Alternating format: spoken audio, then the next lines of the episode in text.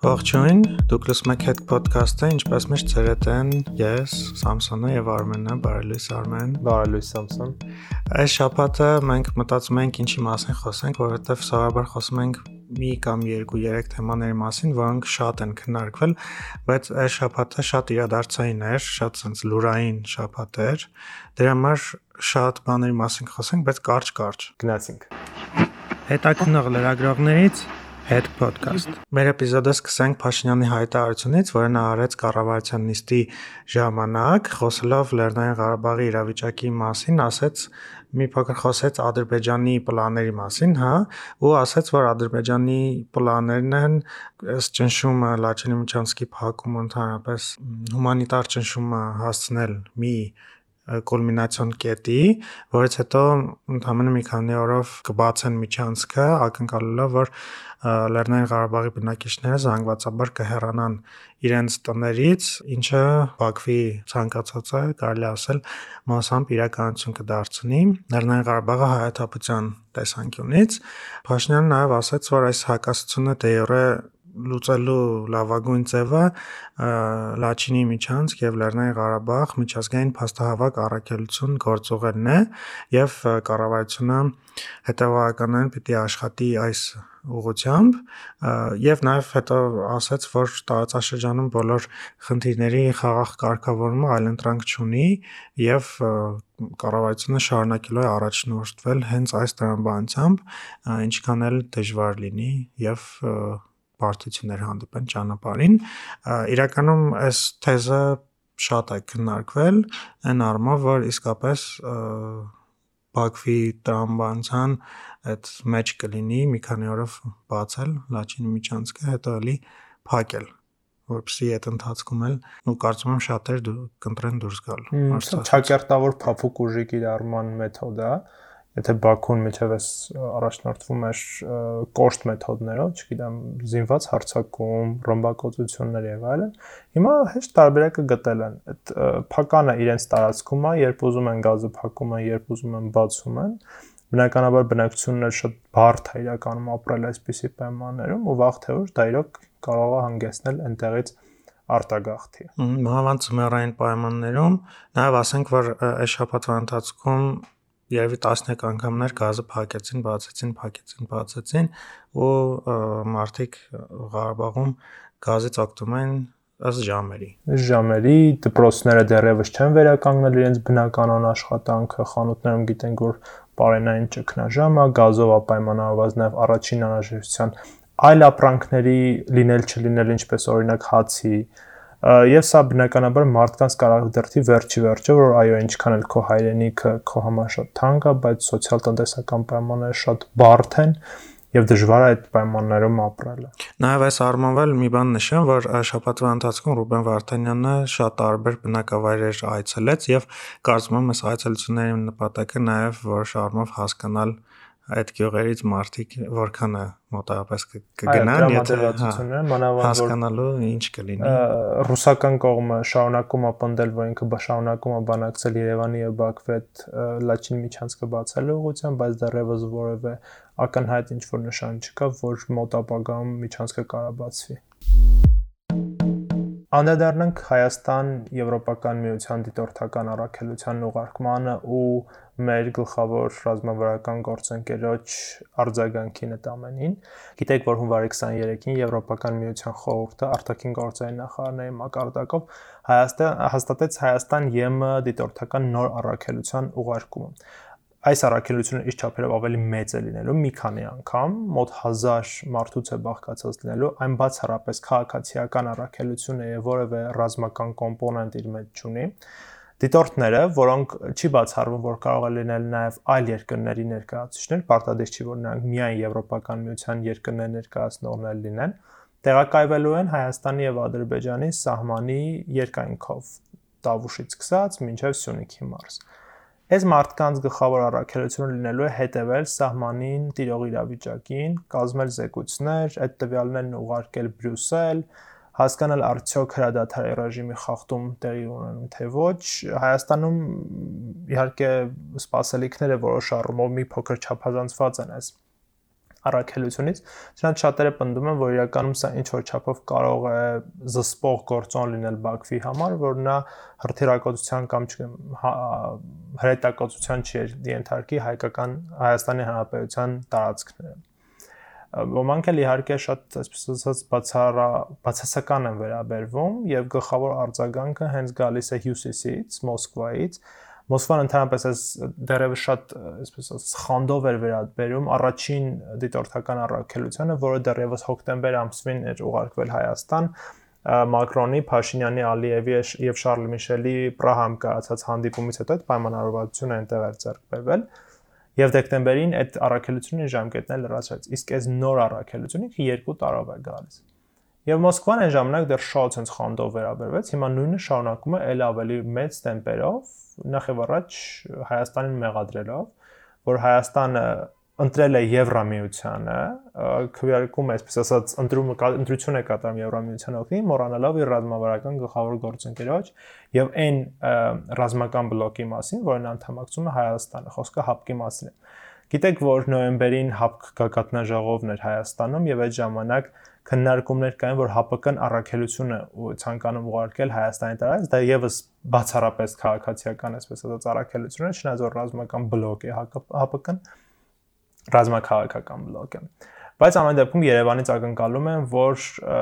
ռազմական կոնտինգենտ ամեն դեպքում ՀԱՊԿ կուղարկի կազմված ռուսներից, բելարուսներից, ղազախներից, ղրղզներից եւ տաջիկներից, ովքեր անդամակցում են այդ կազմակերպությանը։ ՀԱՊԿ իհարկե մերժեց սրան, առաջարկելով փոխարենը քաղաքացիական առաքելություն, ինչին Երևանը դեմ է եւ ակնկալում է այս երկրներից, որ նրանք ռազմական օգնություն տրամադրեն Հայաստան։ Եվ հիմա Ռուսաստանի արտաքին գործերի նախարարությունը մի քանի օր առաջ այսպես շատ կոշտ հայտարարություն է տարածում, որտեղ ինչպես արդեն նշեցի, Երևանին մեղադրում է Եվրամիության օկտին ընտրություն կատարելու մեջ եւ ավելին հայտարարում, որ ռուս խաղաղապահները կարձագանքեն եվրոպացի դիտորդների գործողություններին հողի վրա։ Ինչ է սա նշանակում։ Այլ բառերով ասած, նա սպառնում է եվրոպացիներին, որ եթե դուք անեք գործողություն, որը մեզ դուր չի գա, մենք պատրաստ ենք անգամ ռազմական արձագանք ցուսաբերել։ Գիտենք, որ ռուս խաղապահները զինված են, եվրոպացի դիտորդները քաղաքացիական են, եւ ռուսները սպառնում են, որ ցանկացած անզգույշ գործողություն մեր կողմից պատասխան ռազմական արձագանքին կարժանանա։ Սա իհարկե չափից դուրս, այսպես ասած, թե մտահոգիչ է եւ թե ցույց է տալիս նաեւ ինձ համար գոնը Ռուսաստանի իրական նպատակները եւ թե ինչ շահեր է հետապնդում։ Մանավանդ եթե հայտարարությունը ուշադիր կարդանք, ինձ մոտ այնպեսի տպավորություն էր, որ այս հայտարարությունը տարածել է Ռուսաստանի ոչ թե Ռուսաստանի արտաքին գործերի նախարարությունը, այլ առնվազն Ադրբեջանի արտաքին գործերի նախարարությունը ակնհայտ ադրբեջանամետ Ադրբեջանի շահեր սпасարկող հայտարարություն, որտեղ այնտեղ ասում է որ որ շատ ագրեսիվ, շատ ագրեսիվ, շատ ոչ դիվանագիտական եւ ամեն ինչ շատ բաց։ Այնտեղ հստակ ասվում է, որ եթե Եվրոպական միությունը տարածաշրջանում խաղաղություն ուզեր, ապա իր այս առաքելության առաքելության ուղարկումը ինքը կհամաձայնեցներ Ադրբեջանի հետ։ Բայց չմոռանանք, որ ժամանակին հենց Բաքուն էր հրաժարվել, որ այս առաքելությունը տեղակայվի նաև իր տարածքում դեռ առաջին այդ հանդիպման ժամանակ եւ այդ ժամանակ առաքելությունը բացառապես միայն Հայաստանի տարածքում էր տեղակայվել։ Բնականաբար Բաքվին ձեռ չի տալիս, որ քաղաքացիական շոր խումբ հետևի իրենք իրենք ինչպես են իրենք հրթիռները կամ, չգիտեմ, հրետանին առաջ տանում դեպի առաջնային կամ ոնց են օկուպացնում Հայաստանի ել ավելի շատ տարածքներ օրինակի համար, հա։ Սա բնականաբար դա երկու իրար նման երկրներ Բաքուն Ադրբեջանը օկուպացնում է Հայաստանի տարածքները, Ռուսաստանը օկուպացնում է Ուկրաինայի տարածքները, մեկը մեկին պետք է ասենց սատարելով իրանք շարունակեն իրենց գործողությունները։ Այնտեղ մի այսպիսի հետաքրիր հանգամանք էլ կար, Եվրոպական միությանը Ռուսաստանը մեղադրում էր, որ աշխարհակաղակական այդ դիմակայությունը, գիտեք, հիմա արևմուտք Ռուսաստանը մեծ արժակատում Ուկրաինայի հարցով կա, Եվրոպան փորձում է բերել նաև մեր տարածաշրջան, բայց ամեն դեպքում Ռուսաստանը մոռանում է, որ այս տարածաշրջանում ինքը պարտավորություններ ուներ, որոնք այդպես էլ ինքը նախորդ տարվա ընթացքում գոնե չկատարեց։ Սեպտեմբերյան մարտեր, երբ որ Հայաստանի Հանրապետության տարածքը հրթիռակոծվում էր, Ռուսաստանը անգամ դատապարտող որևէ հայտարարություն չանց։ Այն պարագայում, երբ որ ինքը պետք էր ռազմական ճանապարհով պաշտպանել այդ տարածքները, որտեղ ինքը դրա համար պատասխանատվություն ուներ մի бан կարդամ ռուսերեն, որ ասենց իմ համար շատ բաներ էլի, լավ ցուցիչ էր, գրված է Появление в приграничных районах Армении представителей Евросоюза, который переродился в придаток США и НАТО и проводит на пространстве СНГ конфронтационную политику։ Դե հա, այդ եվրո այդ ռուսական քարոշչամեքենա, եթե դուք բարբերաբար հետևեք, այդ թեզը կա, որ Եվրամիությունը ՆԱՏՕ-ի եւ Ամերիկայի ինչ որ դրացոնը, կցորդն է, մանկլավիկն է, չգիտեմ, ինչ ով ինչ բառ ուզում կիրառում է, դա ռուսական քարոշչության ստանդարտ բառերն են, որ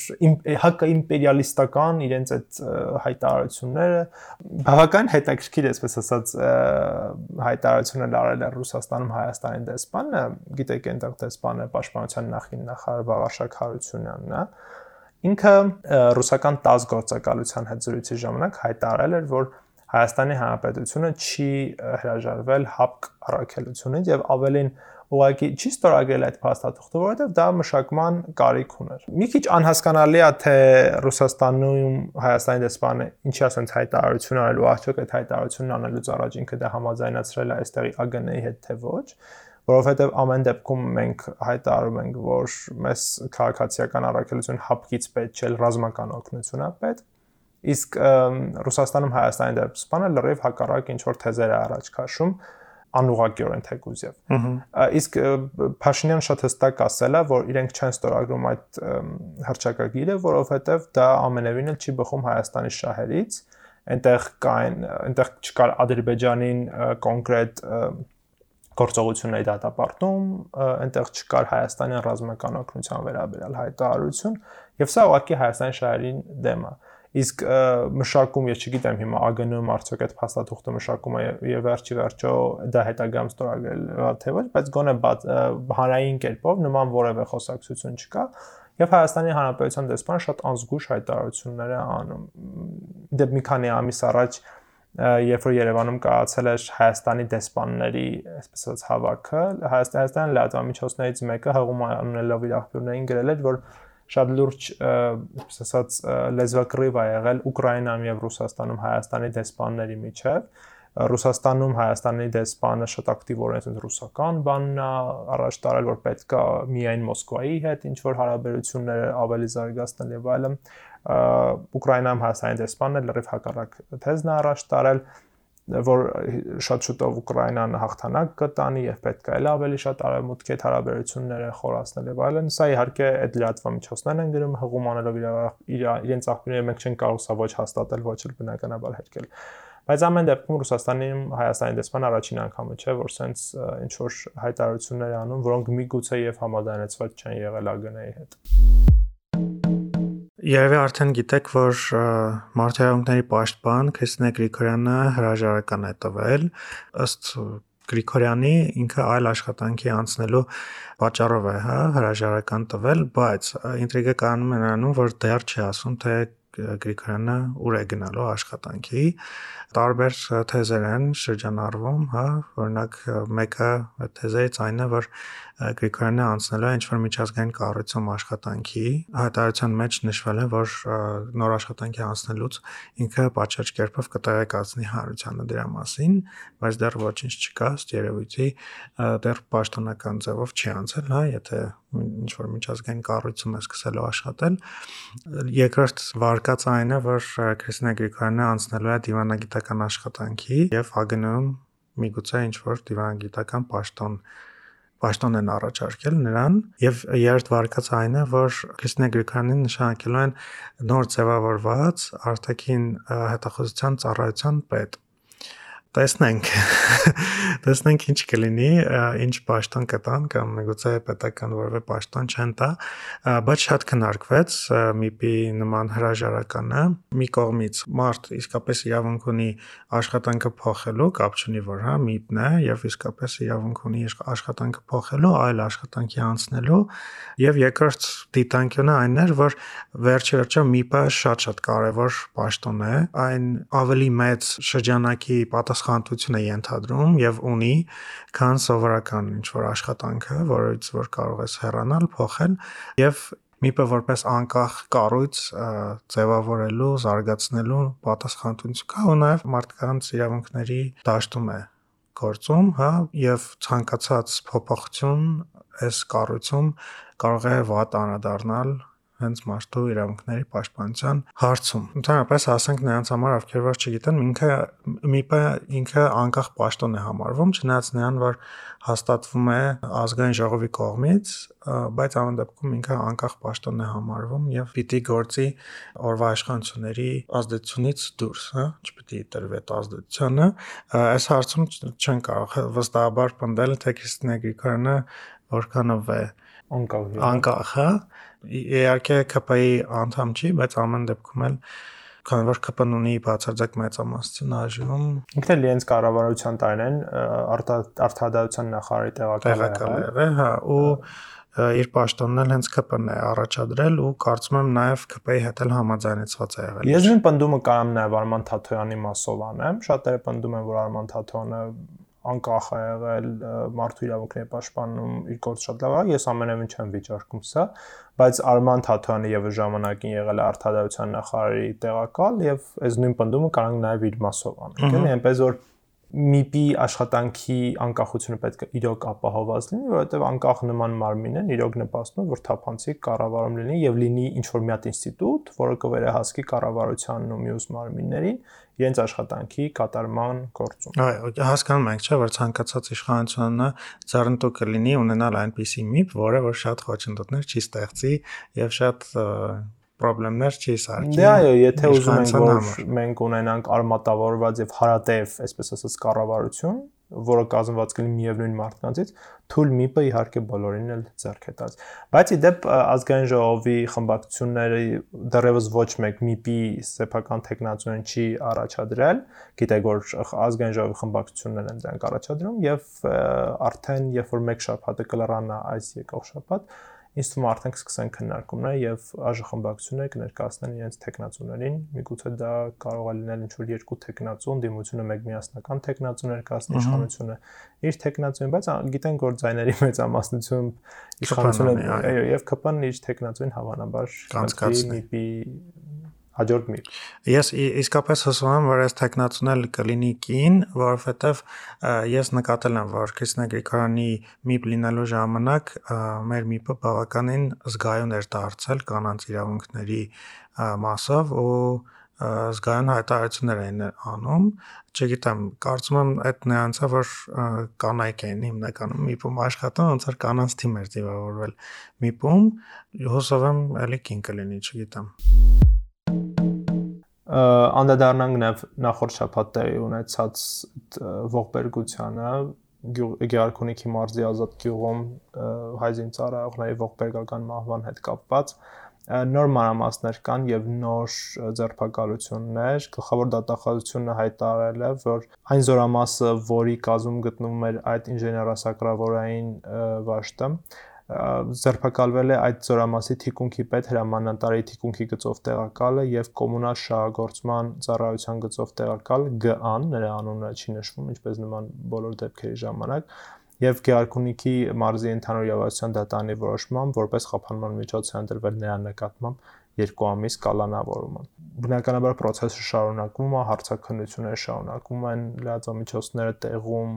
տարբեր, այսպես ասած, տեսանյութային հրապարակում նոր ընդհանրապես վարկածներ են առաջ քաշվում եւ դեռևս չես կարողանում հասկանալ թե ինչ է իրականում տեղ ունեցել այդտեղ, որովհետեւ այնքան տարբեր են վարկածներ ու այնքան ամեն վարկածը հերքող տարբեր, այսպես ասած, գործոններ կան, որ արդեն մարդ չգիտի ինչ մտածի։ Նույնիսկ պետական վարկա, պետական այդ պաշտոնական առաջ քաշված վարկածը հերքող բազմաթիվ փաստեր կան ու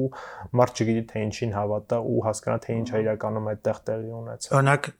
ես նայել եմ ֆակտորի հարցազրույցը այդ ողջ մնացած տղաներից մեկի հետ հիվանդանոցից 8 րոպեանոց հարցազրույց է, որի ընթացքում որ այդ տղան ասում է, որ այն պնդումը պետք է, հա, պաշտոնական պնդումը թե զոհվածները մահճակալների վրա են եղել սուտ է, ասում եմ, նման բան չեմ տեսել։ Խոճապ է եղել։ Խոճապ է եղել, մարդիկ փորձել են ինչ-որ գործողություններով դուրս բրծնել այդ սենյակից բայց բաստան մի կողմից է ունենք պաշտոնական այդ հայտարարությունը։ Հա, ինչ որ sense անհասկանալի է ու իրոք չես հասկանում, չես կարողանում փաստերն իրար կողք դնել եւ ինչ որ մի հատ sense ամփոփ պատկեր ստանալ, այլ այդ փաստերը որ դնում ես իրարքով մեկը մեկին սկսում է երկել ու հակասվում է այո քնչական կոմենտն էլ կարծում եմ դե իրենց մոտ մի վարկածը փոխելու համար հա տենց ինչ որ երկա process-ներ են պետք ես նկատում եմ որ առաջնային այդ հայտը արած մի անգամից որ Փաշինյանն էլ ասեց այդ վարկածին ոնց որ իրանք այդ վարկածն են կպնու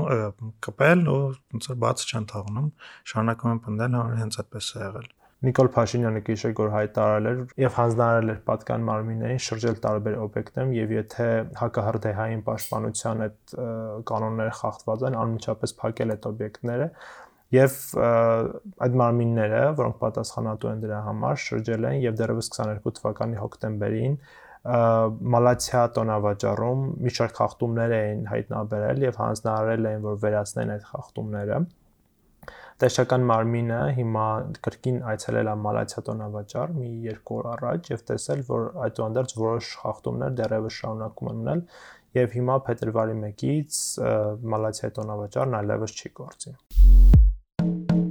Անցած շաբաթ արտաքին գործերի նախարար Միրզյանը Բրյուսելում էր, Եվրոպայում էր եւ Բրյուսելում մի շարք հանդիպումներ ունեցավ եւ այդ հանդիպումներից կարծում ենք կարևոր է նշել ՆԱՏՕ-ի գլխավոր քարտուղար Յենս Ստոլտենբերգի հետ հանդիպումը։ ԱԳՆ-ի հաղորդմամբ հանդիպան ընթացքում Միրզյանը եւ Ստոլտենբերգը մտքեր են փոխանակել, հա, ընդհանուր հետաքրքրություն ներկայացնող տարածաշրջանային եւ միջազգային անվտանգության հարցերի շուրջ, նաեւ ԱԳՆ-ն տեղեկացրել է, որ Միրզյանը Ստոլտենբերգին է ներկայացրել Ադրբեջանի կողմից Լաչինի միջանցքի փակումը, դրա հետևանքները, հա, մասնավորապես հումանիտար ճգնաժամը, որ ստեղծվել է Արցախում եւ նաեւ Բաքվի ցանկությունը Լեռնային Ղարաբաղը էթնիկ զտման ենթարկելու եւ իրենց քաղաքականությունը, տարբեր քաղաքականությունները այս որոնք միտված են այս նպատակն իրագործելու, այս հանդիպումը բավական կարևոր էր, որովհետեւ կարծում եմ նաեւ այս հանդիպման պատճառով էր նաև Ռուսաստանի նման կոշտ արձագանքը, որովհետև հանդիպումը եղավ ամսի 23-ին, երկուշաբթի օրը եւ դրանց հետո արդեն մանրամասներ իմացանք ԵՄ-ի քաղաքացիական այդ դիտորդական խմբի տեղադրման մասին եւ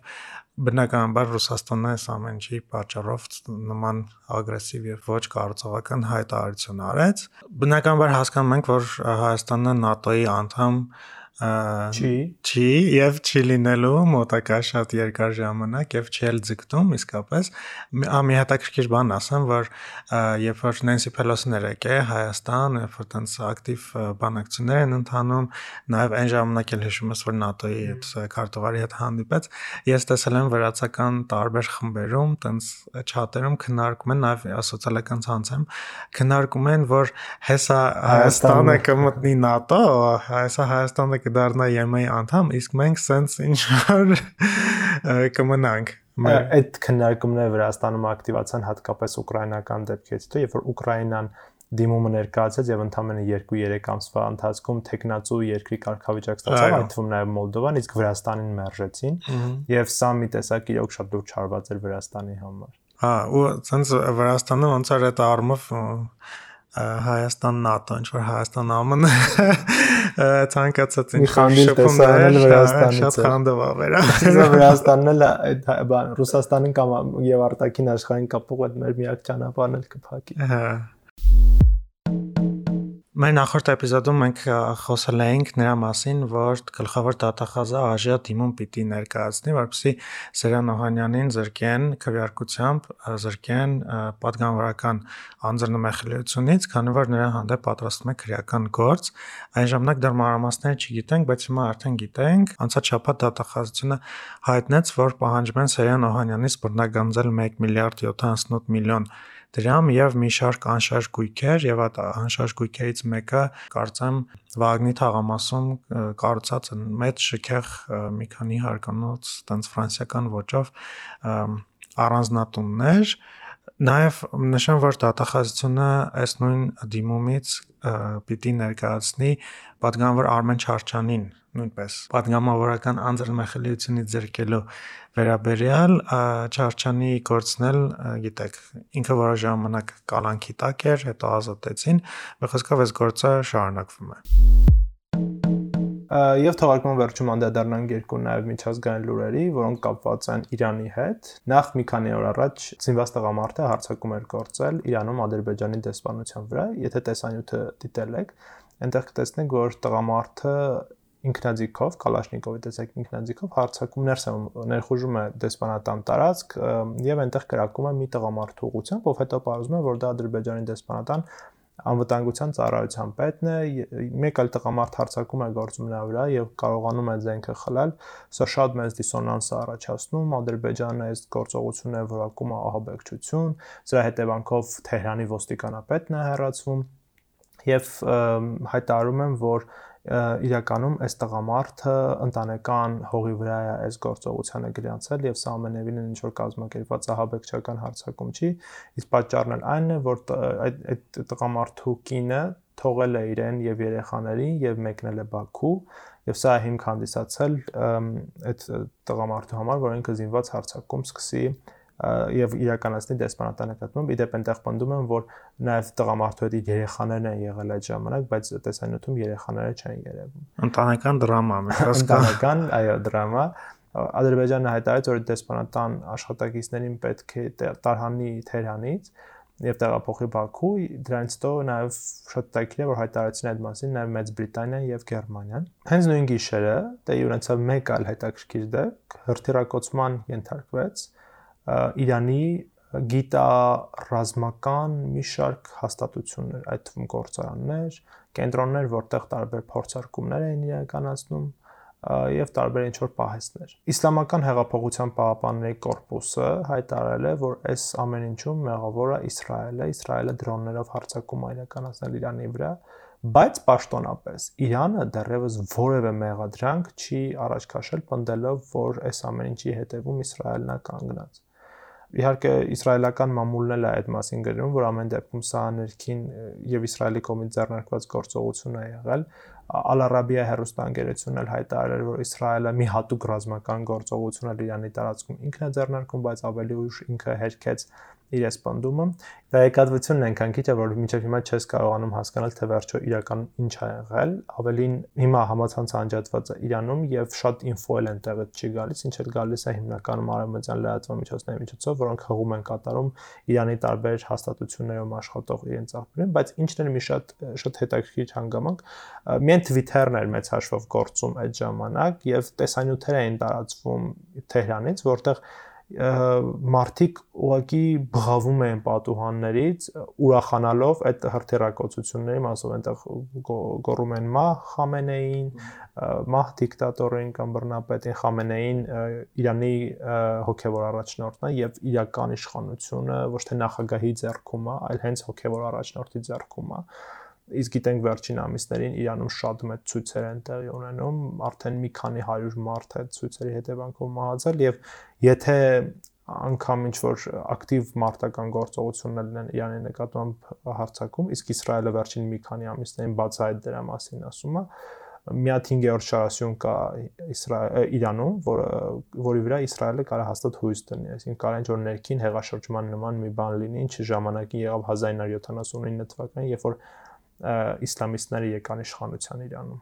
եւ տապալվեց այնտեղ աշխարհիկ իշխանությունը։ Նաեւ նրանց համար, ովքեր չգիտեն ինչ ցույցեր են Պարսկաստանում, նշենք, որ դրանք հիմնականում